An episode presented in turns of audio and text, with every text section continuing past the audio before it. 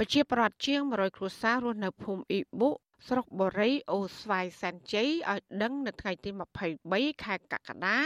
ថារយៈពេលជាង1ខែចុងក្រោយនេះក្រុមហ៊ុនចិនឈ្មោះ Cambodia Crown Holiday Industry បានផ្អាកដំណើរការហើយក៏ប៉ុន្តែអ្នកភូមិស្ដាយស្រណោះកោះធម្មជាតិមួយឈ្មោះកោះត្បែងដែលមានទំហំ5ហិកតាហើយត្រូវបាត់រូបរាងស្ទើរតែទាំងស្រុង ចាតំណាងបរដ្ឋលោកស្រីថងកែវថ្លែងថាក្រុមហ៊ុនចិនផ្អាកដំណើរការក៏ប៉ុន្តែបន្សល់ទុកនូវសំណល់សម្រាប់ពីពេញផ្ទៃទឹកទន្លេសេកុង នឹងធ្វើឲ្យទឹកកខ្វក់ខ្លាំងខ្សត់ត្រីនិងមិនអាចប្រើប្រាស់បាននៅតំបន់ខ្លះចាលោកស្រីស្ដាយស្រណោះកោះត្បែងដែលជាសម្បត្តិធម្មជាតិហើយដែលពួកគាត់អាស្រ័យផលតាំងពីដូនតាមមកប៉ុន្តែត្រូវបានក្រុមហ៊ុនចិន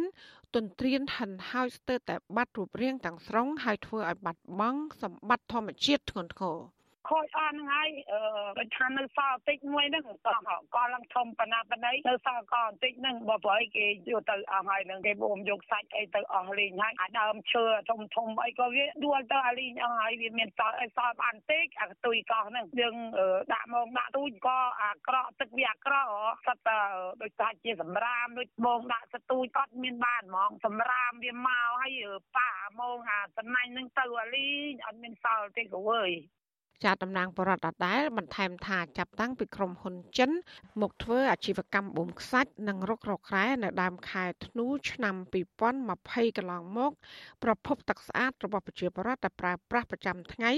គឺមានសារធាតុពុលដោយសារតែក្រុមហ៊ុនបង្ហូរទឹកកខ្វក់ចេញពីការដ្ឋានរបស់ក្រុមហ៊ុន។ ចាំយ៉ាងវិញទៀតប្រជាប្រដ្ឋរាប់រយគ្រួសារមិនអាចនេសាទត្រីចិញ្ចឹមជីវិតបាន និងមិនអាចដាំដុះផលដំណាំនៅលើកោះបានដូចពីមុននោះឡើយចាលើពីនេះលោកស្រីថាក្រុមហ៊ុននេះក៏បានបំផ្លាញផលដំណាំអ្នកភូមិដែលបានដាំនៅលើកោះនោះអស់ជាច្រើនគ្រួសារផងដែរចាលោកស្រីអំពីនីឲ្យអាជ្ញាធរអភិរក្សធនធានធម្មជាតិដែលនៅសេសសល់បន្តិចបន្តួចលើកោះតបែងដើម្បីទុកឲ្យក្មេងៗចំនួនក្រោយបានស្គាល់ នឹងសំណុំពោទៅថ្នាក់លើមិនឲ្យគេធ្វើទៀតទេព្រោះអីវាប៉ះពាល់ដល់ជាពលរដ្ឋច្រើនឲ្យគេឈប់រហូតទៅថ្នាក់ណាក៏ដោយថាបានណាក៏ដោយហើយវាសំខាន់បំផុតគឺសំណុំពោដូចច្បាយខែតឹងត្រែកុំឲ្យគេឈប់ទៅកុំឲ្យគេបន្តទៀតព្រោះអីកោនឹងវាអត់មានសល់ស្អីទៀតទេគេយកទៅអស់ហើយ ចាស៊ីស្រីមិនអាចតតងប្រធានមន្ត្រីរ៉ែនិងធម្មពលខេត្តតឹងត្រែងលោកនូសវណ្ណរានិងតំណាងអាជីវកម្មក្រុមហ៊ុនចិន អ្នកស្រីសឹមវិបុលដើម្បីសុំការបំភ្លឺជុំវិញការចោទប្រកាន់នេះ បាននៅឡើយទេនៅថ្ងៃទី23ខែកក្កដាក៏ប៉ុន្តែអ្នកនាំពាក្យសាលាខេត្តស្ទឹងត្រែងលោកម៉ែនគង់បានឲ្យអាស៊ីសេរីដឹងថាមន្ទីរជំនាញនឹងចុះទៅត្រួតពិនិត្យនៅតំបន់រងផលប៉ះពាល់ លោកអះអាងថាប៉ះសិនបើមានបញ្ហាដូចជាការលើកឡើងរបស់ប្រជាប្រដ្ឋមែននោះអាជ្ញាធរនឹងដោះស្រាយជូនប្រជាប្រដ្ឋប៉ុន្តែលោកថ្លែងក្នុងន័យការពារក្រុមហ៊ុន ថាក្រុមហ៊ុនមិនបានបង្កផលប៉ះពាល់បរិស្ថានធ្ងន់ធ្ងរដោយដែលអ្នកស្រុកបានចោទប្រកាន់នៅឡើយដូច្នេះក្រុមហ៊ុនមិនបានផ្ដល់សំណងជូនរដ្ឋនោះទេ តាមគោលការណ៍គឺត្រូវចុះស្រាវជ្រាវពិនិត្យមើលបាទកើតពីពិនិត្យមើលរួចហើយមកហើយស្របទៅនឹងការស្នើសុំរបស់ក្រុមហ៊ុនផងក៏យើងបញ្ចប់ទៅតាមនឹងការអនុវត្តអាជ្ញាប័ណ្ណរបស់គាត់ហ្នឹងអញ្ចឹងមិនយើង